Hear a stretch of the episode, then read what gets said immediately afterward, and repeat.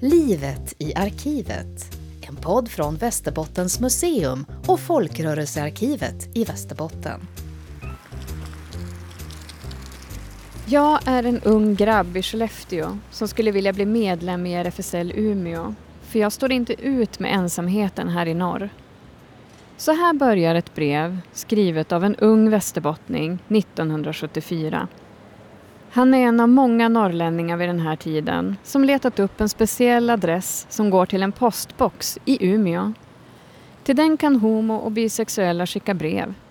Breven öppnas, de blir lästa och besvaras från en lägenhet bakom en brun dörr här i centrala Umeå.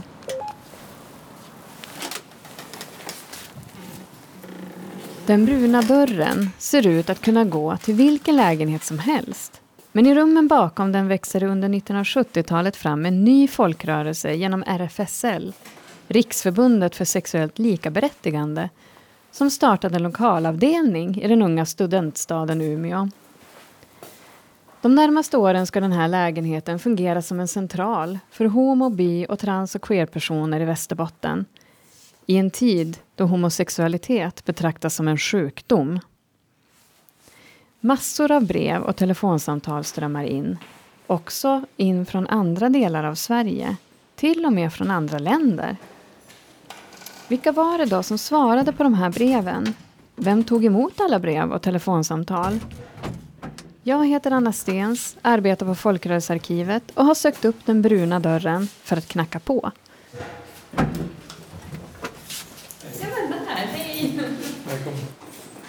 Lennart var med och startade RFSLs lokalavdelning 1972 och är en av dem som tog emot frågorna som kom in via brev och telefonsamtal. Lennart har valt att vara med i den här podden med fingerat namn. De första åren fungerade den här lägenheten både som bostad och RFSLs kontor. Ja, gamla kontorsrummet. Det var ett skrivbord så. Lennart bodde och jobbade här och idag bor han faktiskt kvar. Och jag får följa med in i lägenheten som han delar med sin partner. Paret har antikviteter från golv till tak med stora skåp, glimmande ljusstakar och klockor. Det har snart gått 50 år sedan det här var ett kontor med en ganska diskret men livsviktig verksamhet. Permar, permar, permar, skrivbord, tre telefoner. Och det, det, var alltså en hemlig telefon därför att inte adressen skulle vara med. Men sen gjorde vi hur mycket reklam för själva telefonnumret som möjligt. För det var ju vitsen. RFSLs lokalavdelning i Umeå kommer till decennier innan hbtqi är ett begrepp. När RFSL bildades i Sverige 1950 hade homosexuella handlingar precis avkriminaliserats. Homosexualitet betecknades istället som en sjukdom och så var det ända fram till 1979. För, för de som var gay så var det ju det att det var ju svårt för dem att veta vem törs jag prata med om det här. Mm. Så jag gjorde små broschyrer så skickade vi gruppkorsband till Lövånger och till, äh, till någon annan ställe vad, vad det var. Vi tog de minsta postsorteringsområdena som var billigast då, mm. och så fick alla hushåll det här. Då tar de att det blir telefonsamtal. Mm. Lennart har lärt sig göra snygga trycksaker och han gör egna broschyrer och annat informationsmaterial som RFSL sprider, bland annat som massutskick med hjälp av posten. Det trycks också mängder med så kallade tändsticksetiketter, alltså klistermärken med kontaktuppgifter som medlemmarna kan fästa på just tändsticksaskar, lyktstolpar och på dörrar där många människor passerar. För de är väldigt praktiska att ha, de är små. Man kan ha, lämna en tändsticksask med telefoner och sånt där på, på en fik eller något sånt. Mm, så att under min period så tror jag vi tryckte över 100 000 etiketter. Ni fick ju väldigt många samtal, eller hur? Ja, det. Vi körde statistik och vi hade, eh, jag gissar att vi hade 2-3 tusen samtal per år. Mm. Och de, de flesta efter klockan 11 på kvällen. Mm. Och frekvent på, på helger, två, tre, fyra på morgonen. Så det var mycket. Men tur, tur att man var ung då så man kunde somna om.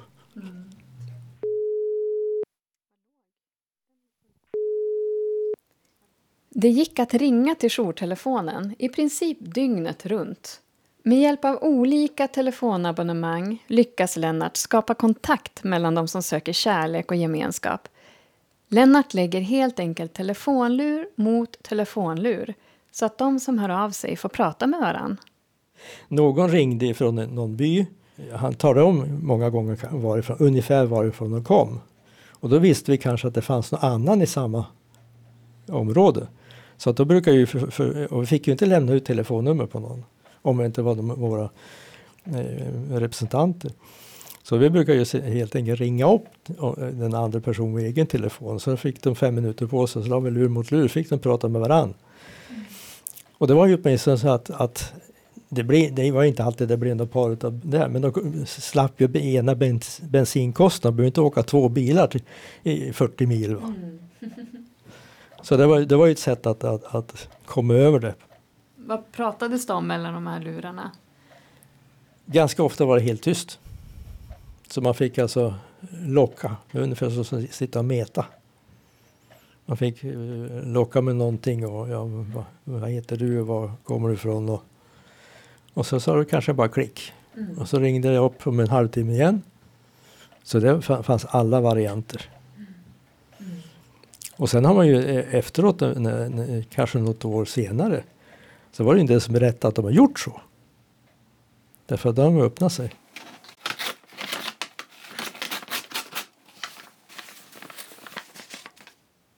Hej. Jag bor i Luleå. Jag har ingen som jag känner i Umeå. Vet inga hotell eller var ni har era möten. Kan inte någon vara snäll och hjälpa mig? Kanske rent utav möta mig om jag tar buss ner till Umeå. Skriv svar. Kvinna, Norrbotten, 1973. Jag har aldrig vågat ta kontakt med likasinnade och därför alltid känt mig ensam och övergiven. Efter mitt sista besök hos en psykiatriker fick jag höra talas om ert förbund och eh, skriver nu för att söka hjälp. Jag är intresserad av vad ert förbund sysslar med, men även om hur jag kan komma i kontakt med människor med samma problem. Var träffas vi homosexuella bosatta i Umeå och övriga Norrlandsstäder? Med önskan om fortsatt kontakt och svar på mina frågor. Kille i Norrbotten 1973. RFSL Umeå säger relax. Come out of, the, out of the closet. Karin Holmgren, arkivarie, går igenom material från RFSL som idag finns hos oss på Folkrörelsearkivet i Umeå. I arkivets källare finns de brev som du just hörde. Och här finns också tidningsklipp, protokoll, affischer och annat som berättar om livet som homo, bi, trans och queer från 1972 till idag. Det här är delvis känsligt material. De som på 1970-talet skrev till RFSL i Umeå om sina innersta känslor kan ju förstås fortfarande vara i livet och de hade ingen aning om att vi nu idag skulle kunna se deras brev. Därför har vi frågat RFSL om lov att få läsa de här breven som du nu har fått höra. Och jag är glad att vi har fått ja. För idag är Umeå en etablerad hbtqi-stad och då är det lätt att glömma bort den rädsla, längtan och kamp som fanns bland medlemmarna de första åren.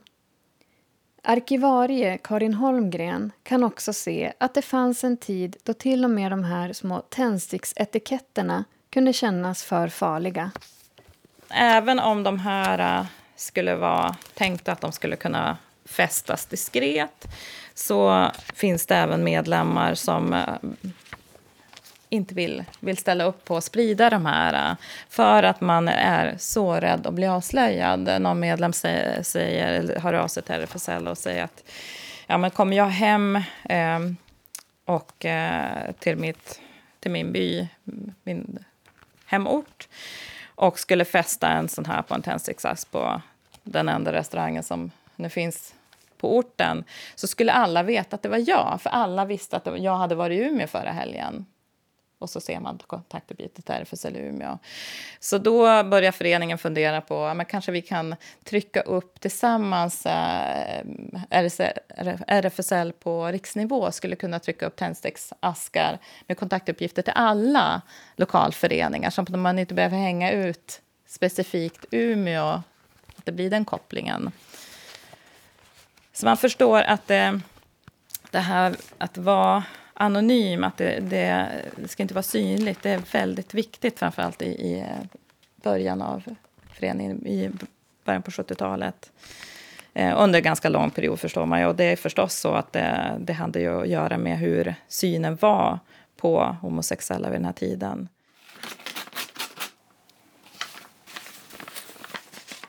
Mitt problem är att jag är bisexuell. Och jag vill gärna veta mer om er och hur man knyter kontakter. Jag har ingen erfarenhet av sånt. Och om jag får svar så måste det vara privat avsändare. Inte något brev som annonserar ut att det kommer från RFSL i Umeå. Sen vill jag veta etiketter och signaler. Hjälp mig ur min stora ensamhet som drar mig ner dag för dag. Kanske finns det någon vänlig själ som vill hjälpa mig till rätta. Varken doktorer eller psykiatriker vill göra det. Staden jag bor i är mycket liten och jag borde få all diskretion jag önskar. Kvinna i 30-årsåldern, Finland. Karin Holmgren, arkivarie. Det finns eh, några pärmar med brev och det är ett oerhört rörande material på många sätt. Eh, många unga människor som har... Man förstår att det här har varit ett jättestort steg, bara att författa det här brevet. Man, eh, när man läser de här breven så får man ofta en livshistoria om hur länge man har gått och burit på den här hemligheten. Man kanske bor eh, en mindre ort, en by eller en mindre stad. Man har aldrig pratat med någon om det här. Eh, man känner sig utanför och känner sig annorlunda och eh, gör då ett försök att få kontakt. PS.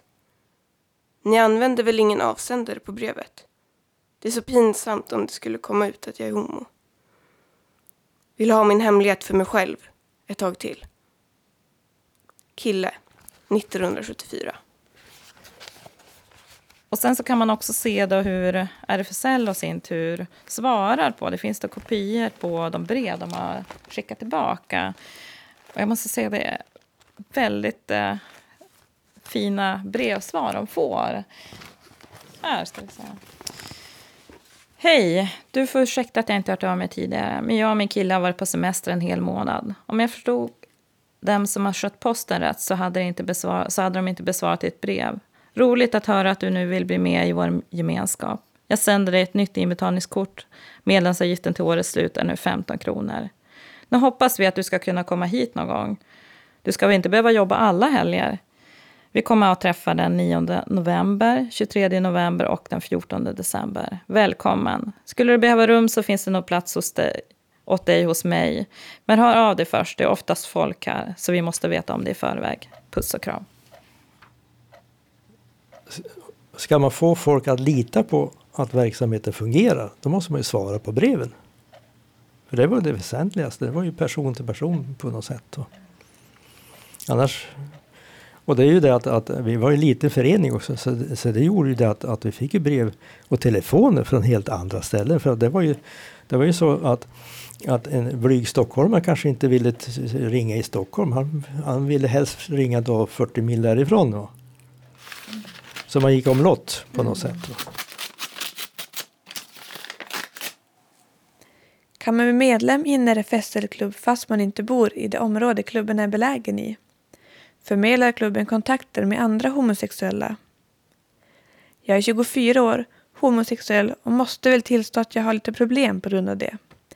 Visserligen har jag kontakt med en psykolog, men hon har inte kunnat hjälpa mig att lösa mina problem. kvinna i Norrbotten, 1973. Hej. Jag vill bli medlem i RFSL och gärna göra något aktivt.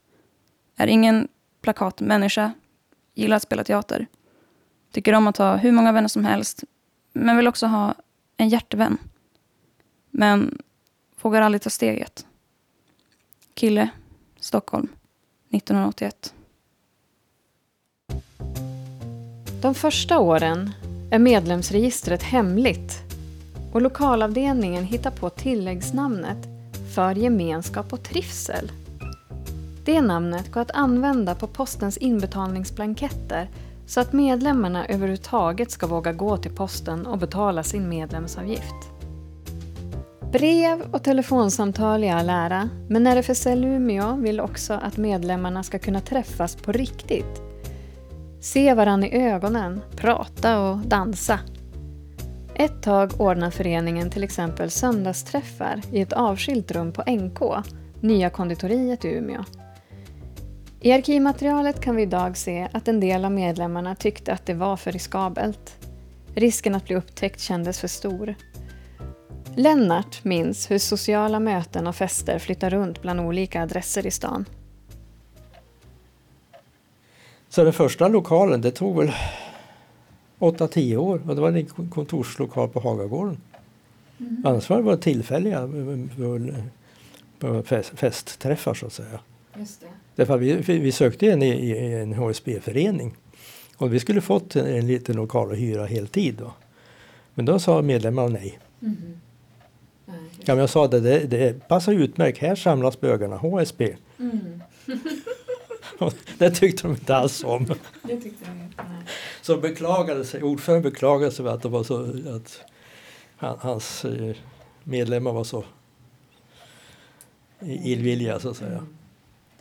Men eh, ni hade ju ändå ni hade ju festlokaler lite här och var. Kan ni, jag vet bland annat eh, Hotell Margareta var en sån. Kan du berätta någonting om den lokalen och, och, och festerna som ni hade där? Då? Ja, vi hade ju, det var en, en medlem som talade om att, att det fanns en lokal i källaren på Hotell Margareta. Och den användes mest för, för, för, ja, förråd. Den har inte använts som festlokal på många år. Och sen hade ju de ölrättigheter så vi hade ingen bekymmer med att, att kunna servera mellanöl. Då. För det var ju de som stod för serveringsdelen. Då. Och sen hade, så vi hade det en gång i månaden ungefär. Och så fick han ju fler eh, som, eh, som bodde på hotellet. Mm. För det var ju, det var ju alltså från, från Östersund till Kiruna och hela, hela Norrland. Då. och från Finland också så kom. Mm. Hur eh, Jo, men hur fick de reda på att det var fest, de som kom från andra orter och så? Och därför vi hade eh, eh, skaffat eh, representanter i olika städer som hade små grupper. Så vi hade en liten, en, någon kille i Skellefteå, en i, i Luleå och en i Övik. Och de hade, kände ju varann lite grann. Och sen så blev det alltså underavdelningar till Umeå. Mm. Så de kom. Mm. Och dessutom var det ganska många som som bodde på hotellet, det sa ju personalen åt oss, mm. att det var fler som bodde på hotellet men de tordes aldrig gå ner i källaren. Mm. Och på, på, på lördagskvällar var det inte så många som bodde på, på Margareta så mm. det, det, var ju enda sättet nästan för dem att få lite mer folk. Mm. Och det blev frekvent fler hundägare som var ute och rastade hundarna på kvällarna när vi hade träffar. Ja. För att de var nyfikna? Ja, men därför, därför att stora delar av de som, som, som var kanske 30 plus, de var redan gifta. Mm. De har ju aldrig talat om för någon. De hade barn, hus, hem, hus. Hur ska de berätta det för, för att, att de var gay hela livet? Mm. Och att det föräldratryck och annat som gjorde att de gifte sig. Mm. När det nu börjar arrangeras fester på Hotell Margareta på Västra Esplanaden bryter det mot en lång tradition av smusslande och hysch-hysch.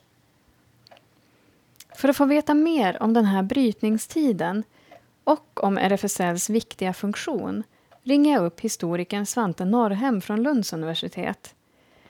Hans bok Den hotfulla kärleken bygger på intervjuer, brev och tidningsmaterial och visar hur homosexualitet har uppfattats och hur homosexuella kunnat, eller inte kunnat, leva sina liv i Västerbotten från omkring 1940 fram till 1980-talet. Hela den här moderna eh, pride, alltså stoltheten, att stå upp för vem man är och vara stolt över den man är. Alltså det, det här var ju den exakta motsatt, motsatsen till det. Och det är klart att det gör ju också att det, in, ingen har egentligen något intresse av att prata om vem som är homo eller bisexuell. Eh, den som själv är homo eller bisexuell har inget intresse av att prata om det därför att man riskerar att utsättas för, för den här skammen eller för eh, utfrysning eller så. Och människor i den här personens omgivning, även om de förstår att sonen eller dottern eller systern eller brodern eller vad det nu är för någonting kanske är sån, för det var ju uttrycket, han är sån eller hon är sån. De hade heller ingen in, ingen liksom, anledning att prata om det för att de vill inte dras in i den här eh, skammen. Så Sen ska man komma ihåg att i Västerbotten mer specifikt finns ju också en religiös kontext som är viktig. Eh, alltså frikyrkan var ju, eller frikyrkorna var ju väldigt viktiga och även EFS långt fram i tiden. Och för väldigt många människor så var det ju ett faktum att eh, det här var någonting som, som Gud inte eh, tyckte om. Och den som, den som då utför så att säga, homosexuella handlingar, det vill säga har sex med någon av samma kön, den gör ju någonting mot Gud. Så att eh, det är ju en viktig del i förståelsen tror jag just om man ska se specifikt på Västerbotten. Såg du någon skillnad på landsbygd respektive stad eller större orter så? Kunde man leva som homosexuell i Umeå överhuvudtaget? Nej, alltså Umeå var ju fortfarande för litet eh, vid den här tiden. Man ska ju komma ihåg det, det är ju lätt att glömma bort alltså att Umeå har ju vuxit så kolossalt från det att universitetet tillkom i mitten på 1960-talet. Så det är, det är en helt annan stad. Alltså det handlar inte bara om att tiden har gått, det handlar ju också om att Umeå har blivit en mera, ja, en större stad helt enkelt. Eh, med, med. Så att, eh, ja, alltså det är klart att skillnaden var ju det att eh, i Umeå så fanns det ändå eh, vissa eh, möjligheter att eh, till exempel för män då i, i parkerna och det fanns eh, i, i barer och sådär att, att det fanns rykten om att dit kunde man gå och där kunde man träffa någon och, och sådär. En man som jag intervjuade han berättade ju om ett ganska aktivt bögliv redan på 1930-talet då han gjorde lumpen i Umeå. Och då förlade han det till offentliga toaletter som fanns då i, i, i stan. Så, och så att den typen av mötesplatser eller möjligheter fanns ju ännu mindre av om man åker in i inlandet. Då. Fanns en skillnad i hur man kunde leva för bögar och respektive lesbiska?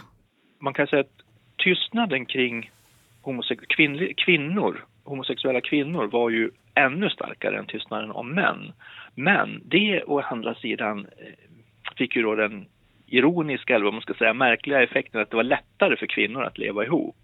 I Vilhelmina fanns det ju ett lärarinnepar som levde ihop och som ju men var väldigt hemliga eh, så, men, men eh, som ju åtminstone efter sin död valde att bli mera offentliga för de ligger begravda tillsammans på kyrkogården. Eh, så det fanns ju och det vittnade ju också en del om de eh, kvinnor jag pratade med eh, som själva var lesbiska eller bisexuella, att de, det gick ju för dem att leva under en täckmantel av att vara väninnor. Så. Eh, mm. Eh, här, att tystnaden var så kompakt gentemot kvinnor gjorde också att det var svårare för kvinnor att förstå. Eh, alltså när de var unga och, och, kanske blev förälskade i någon skolkamrat eller eh, sådär, så var det väldigt mycket svårare för dem att förstå vad det var för någonting, hur de skulle hantera det. Och, mm. Medan då för eh, killar så fanns det trots allt ett visst tal om bögar. Inte minst, det kan man se till exempel, jag gick ju igenom eh, tidningarna, alltså Västerbottens Folkblad och Västerbottens Kuriren och, och Norra Västerbotten. Mm. Och det är rätt förvånande ändå att under 40 och 50-talet och 60-talet så skrevs det förhållandevis mycket om homosexualitet. Homosexmord, mm. homosexbrott. Eh, alltså det var, det var förknippat med kriminalitet eller övergrepp eh, och inte sällan ihopblandat med pedofili. Det gjorde ju att de här eh, unga homosexuella männen, de visste att det fanns eh, män som, in, som, som var attraherade av andra män. Men det var ju en kompakt negativ bild, men de hade åtminstone en föreställning om att det var möjligt. Mm. Så att säga. Men ändå kunde man lyckas träffa andra som kände likadant? Mm. Ja. Eller? En del gjorde ju det och eh, det intressanta är att de, de kvinnor som jag intervjuade, de hade alla levt i relativt långa förhållanden under sitt liv. Och eh, återigen, de var ganska få, men, men eh, när jag då frågar hur de träffades så var det ganska slumpartade möten i det kunde vara i bagarstugan i byn till exempel, där kvinnorna träffades och, och bakade tillsammans. Det kunde vara i en förening där bara kvinnor träffades. Eller det kunde vara via jobbet. Männen, där fanns det ju lite mera... Alltså, parkerna i Umeå hade rykte om sig att man kunde vid vissa tider åka dit och träffa andra. Och, Men hur fick man reda på det då? Ja, ryktesväg. Man, den en, en känner någon och den känner någon. Och, och, och intressant nog kunde föräldrar spela in, eh, spela in här. Eh, det var faktiskt några av de här männen berättade att föräldrarna eh, varnade kanske sin son då för att du ska akta dig för den där eh, gubben eller den där farbrorn för han är sån. Och då fick de alltså information om att aha, här i byn eller i nästa by eller så finns det alltså en sån. Då visste de vem de skulle gå till.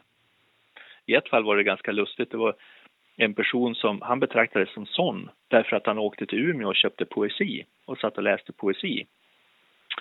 Och då var han tillräckligt udda för att bli sån. Men han var tydligen inte, in, inte intresserad av, av män. Men i Umeå så bildades RFSL 1972. Och vad tror du det betydde då för de homo och bisexuella här uppe i norr? Jag tror att det betydde väldigt mycket. Jag tror kanske att det just då, 72, för en ganska liten grupp så betydde det väldigt mycket. Men, men så småningom kom det att växa väldigt eh, och eh, kom att inkludera fler och fler. Och inte minst eh, tror jag att det betydde mycket för att det fanns någon att skriva till. På så sätt öppnades ju en helt ny kanal för människor. Eh, och, det tror jag hade stor betydelse verkligen. Vi kollar ju den här statistiken att de kunde ju få 2000 samtal per år som de, ja, som de förde liksom statistik på. Och det är ju väldigt många per dag. De skulle ha medalj. För varje samtal som de har besvarat så kan de ha vänt någonting betydelsefullt för en enskild person. Har man, har man själv, själv, som jag faktiskt då, någon gång ringt till en person för att ställa den här typen av frågor så, så vet man hur oerhört betydelsefullt det är att det fanns någon där på andra sidan som brydde sig om att svara på de där frågorna och som var på min sida. Som stod upp för mig och som stack ut hakan för min skull. För det är ju det de har gjort, de här två killarna. De har stuckit ut hakan, vågat synas, när väldigt, väldigt få andra vågade göra det. Och sen dessutom började man ju med danser. Eh, det vill säga man skapade en organiserad mötesplats där man inte behövde smyga runt i buskar eller, eller sitta och vara, och vara rädd på stads, eh, eh, stadshotellets bar eh, ifall man råkar så att säga titta på fel person eller så. Utan man kunde gå till RFSL, man kunde gå dit och där visste man att de som var där, de var också homo eller bisexuella. Mm, de har, det var pubkvällar då med, med tillhörande då, vad ska jag säga, diskoteksgolv eller dansgolv eller liksom som en sån del. Då spelades det ju mycket liksom musik som ja men, eh, Tracy Chapman och eh, eh, Annie Lennox och ja men alla såna här, ja men såna här ikoner verkligen då som var eh, alltså kvinnliga förebilder om man ska säga. Åsa Bäckström kom in i RFSL Umeå under 1980-talet. Då började allt fler lesbiska kvinnor bli aktiva och föreningen får äntligen en egen lokal, Klubb Felice. Det var liksom inte den, den manliga eh, referensramarna som fick styra och det drog ju till sig fler och fler kvinnor naturligtvis för att då känner man ju sig hemma. Mm. Inte det här med trygghet utan att känna sig hemma. Det är family, det är liksom... Eh, ja, man bygger en, en community liksom. Eh, eh, fami familjen som vi kallar det. Liksom. Så. På 70-talet så var det ju väldigt viktigt för många att vara anonyma. Men var det så fortsatt på 80-talet, skulle du säga? Eller kunde ni vara mer öppet? Homosexuella eller bisexuella och öppna med att ni var med i RFSL? Var det okej? Okay? Alltså, det är ju ingenting som syns på en om man är med i en förening. Men, men att vara öppen, det vill säga, är du öppen på din arbetsplats? Är du öppen när du går på gatan? Håller du din flickvän i handen? Eh, kan du kyssa henne eh, på en restaurang? Alla de delarna, där tror jag det är väldigt individuellt faktiskt. Eh, som jag har ju valt eller jag, jag, vet inte om jag har valt utan det har nog bara blivit så för att jag förstod nog aldrig från början att det var något som stack ut eller var annorlunda. Eh, jag vet inte om jag varit blind och döv för, för, för samhällets strukturer och normer. Eh, för det första som hände när jag, när jag blev kär i en kvinna det var att jag berättade det för min bästa kompis på en pub och, och, och bästa kompisen var en kille. Och han skrek rakt ut, men du är en brudjävel Åsa, är du helt jävla dum i huvudet? Och jag fortsatte bara berätta om denna fantastiska kvinna jag hade träffat och hur förälskad jag var. Eh, så att det, det liksom har inte fastnat på mig på något sätt. Så att det där med att komma ut ur garderoben har jag missat. Hela den delen. Det låter som skryt, men det, jag kan inte rå för det. det. Det blev så. Och det kanske var... Det var ju jättetrevligt att det blev så för mig. Jag har ju förstått det i efterhand. Men därav då när jag träffar andra homosexuella och förstår att eh, till exempel eh, jag och min flickvän i Luleå till exempel, vi hyste ju, eh, liksom, om man säger i, i dagens samhälle skulle vi kalla det för flyktingar. Det var ju, det var ju ungdomar som flydde hemifrån som inte kunde vara öppna utan blev helt utkastade från sina föräldrar. Vi tog emot alltså en, en, en ung pojke bland annat som var i 15-årsåldern som inte hade någonstans att ta vägen för hans eh, far ansåg att det där var så förskräckligt så han kunde inte vistas i, i samma bostad. Så visst har jag förstått till syvende och sist hur förfärligt det är för många. Va? Och framförallt inlandet eh, har, tror jag haft i och med att du har den sociala kontrollen är ju så mycket större i, en, en i ett litet samhälle än i, i Umeå som är liksom ett ja, men en, stö en större stad ändå. Eh, men här i, i Umeå har det ju varit, nu har det blivit bättre, absolut. Tills idag, om jag jämför, så har det ju eh, fler som, som eh, på något sätt känner eller känner till någon som är homosexuell. Och det är det tror jag som, som avgör hur människor eh, förhåller sig till eh, homosexuella personer eller begreppet som sådant. Men när du började då i RFSL här i Umeå då kom det ju snabbt fler tjejer med i föreningen under 80-talet. Och Umeå var ganska unika med det, att det var så mycket kvinnor som var engagerade i RFSL. Kommer du ihåg det här? Absolut. Jag, jag kunde ju se en otroligt stor skillnad från när jag var i Luleå. Eh, då var vi, jag och min flickvän, vi var de enda eh, på de här eh, kvällarna eller vilka aktiviteter det än månde ha varit så var det vi var de enda eh, kvinnorna och resten var bara män.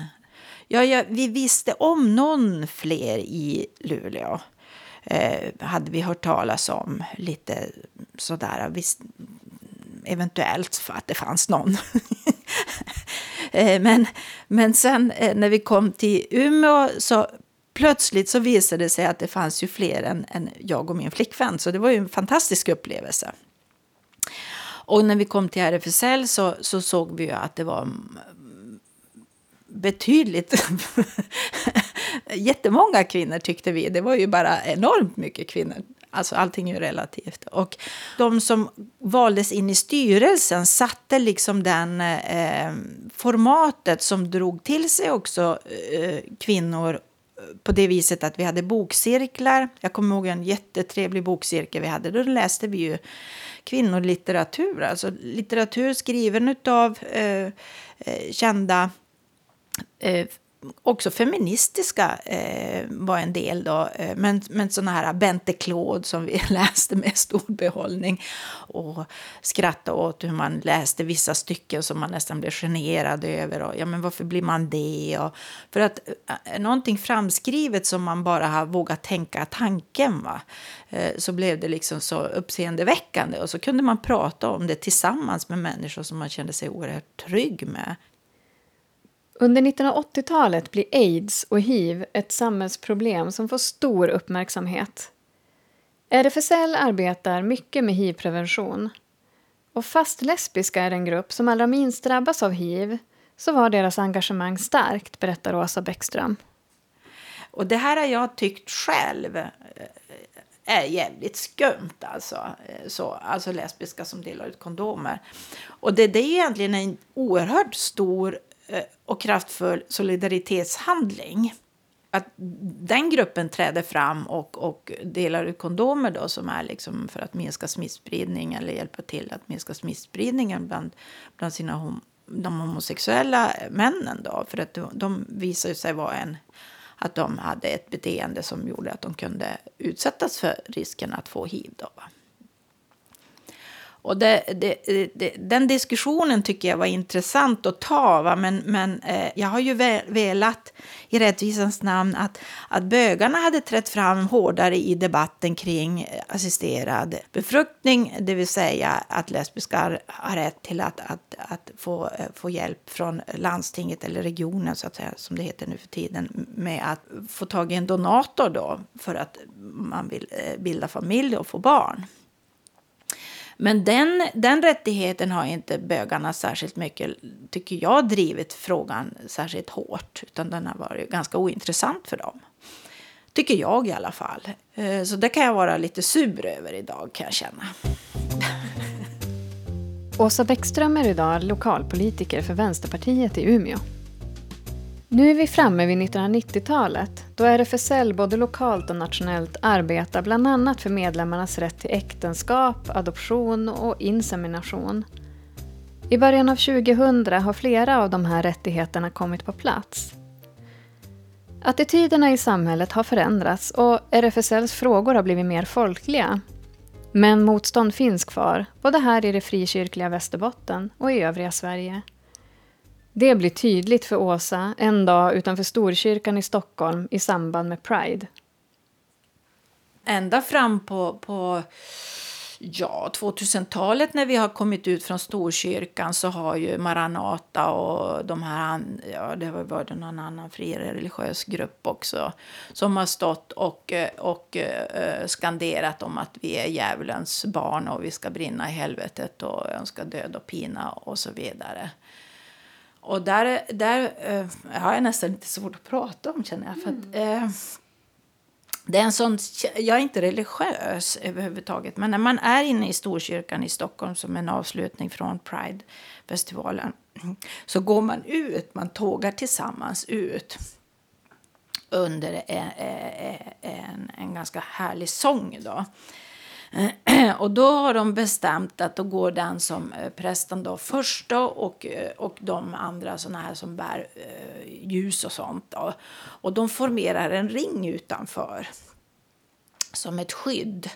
Så när vi andra kommer ut och går ut och ställer oss innanför ringen så kommer de att skydda oss. Va? Och, och de tar emot oss där. Och jag tycker att det har varit väldigt, väldigt härligt och fint och starkt. Oerhört starkt. Va? Men just när de andra befann sig på utsidan liksom, och önskade ens, önskade livet ur en, alltså, då känner man också skillnaden.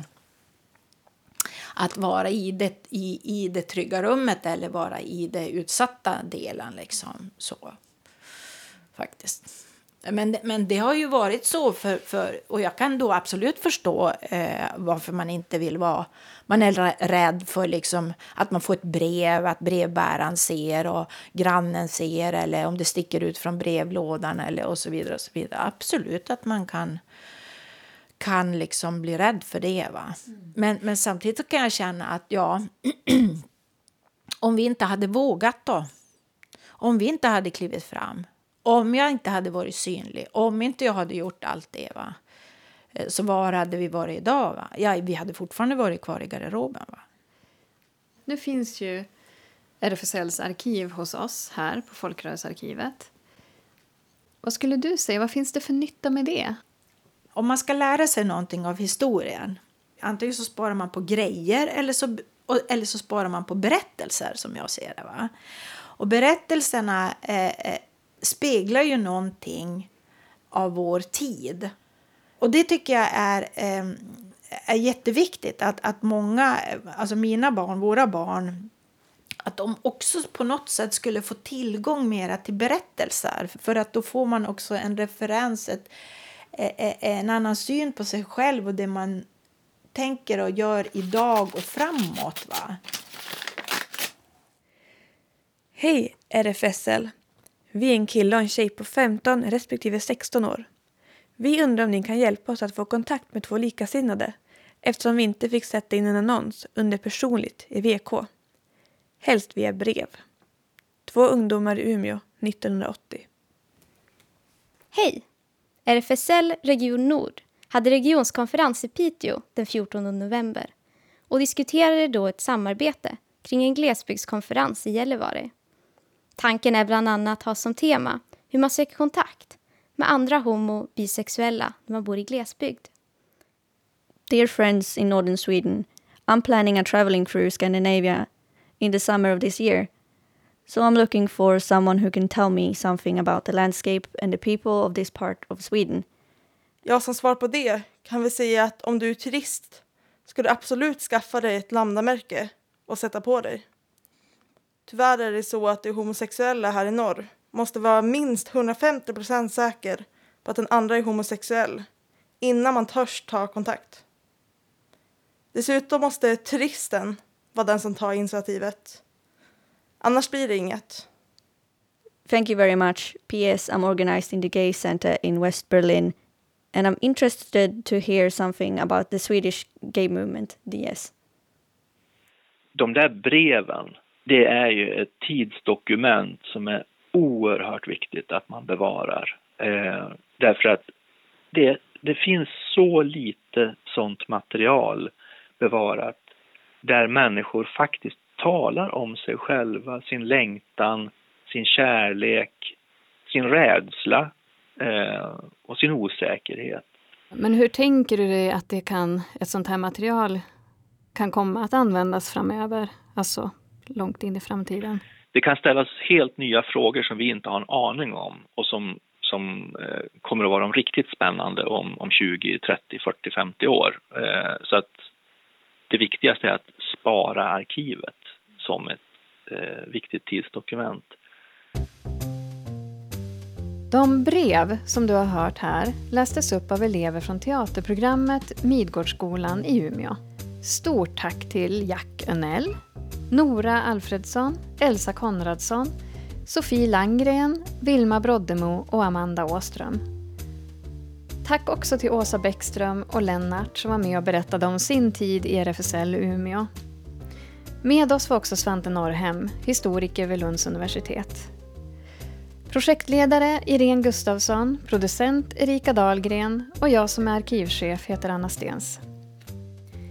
Livet i arkivet är en podd från oss på Folkrörelsearkivet och Västerbottens museum och inom ramen för vårt projekt Demokratiska arkivet. Fler berättelser och foton från RFSL Umeå hittar du på Folkrörelsearkivets hemsida folkrorelsearkivet.se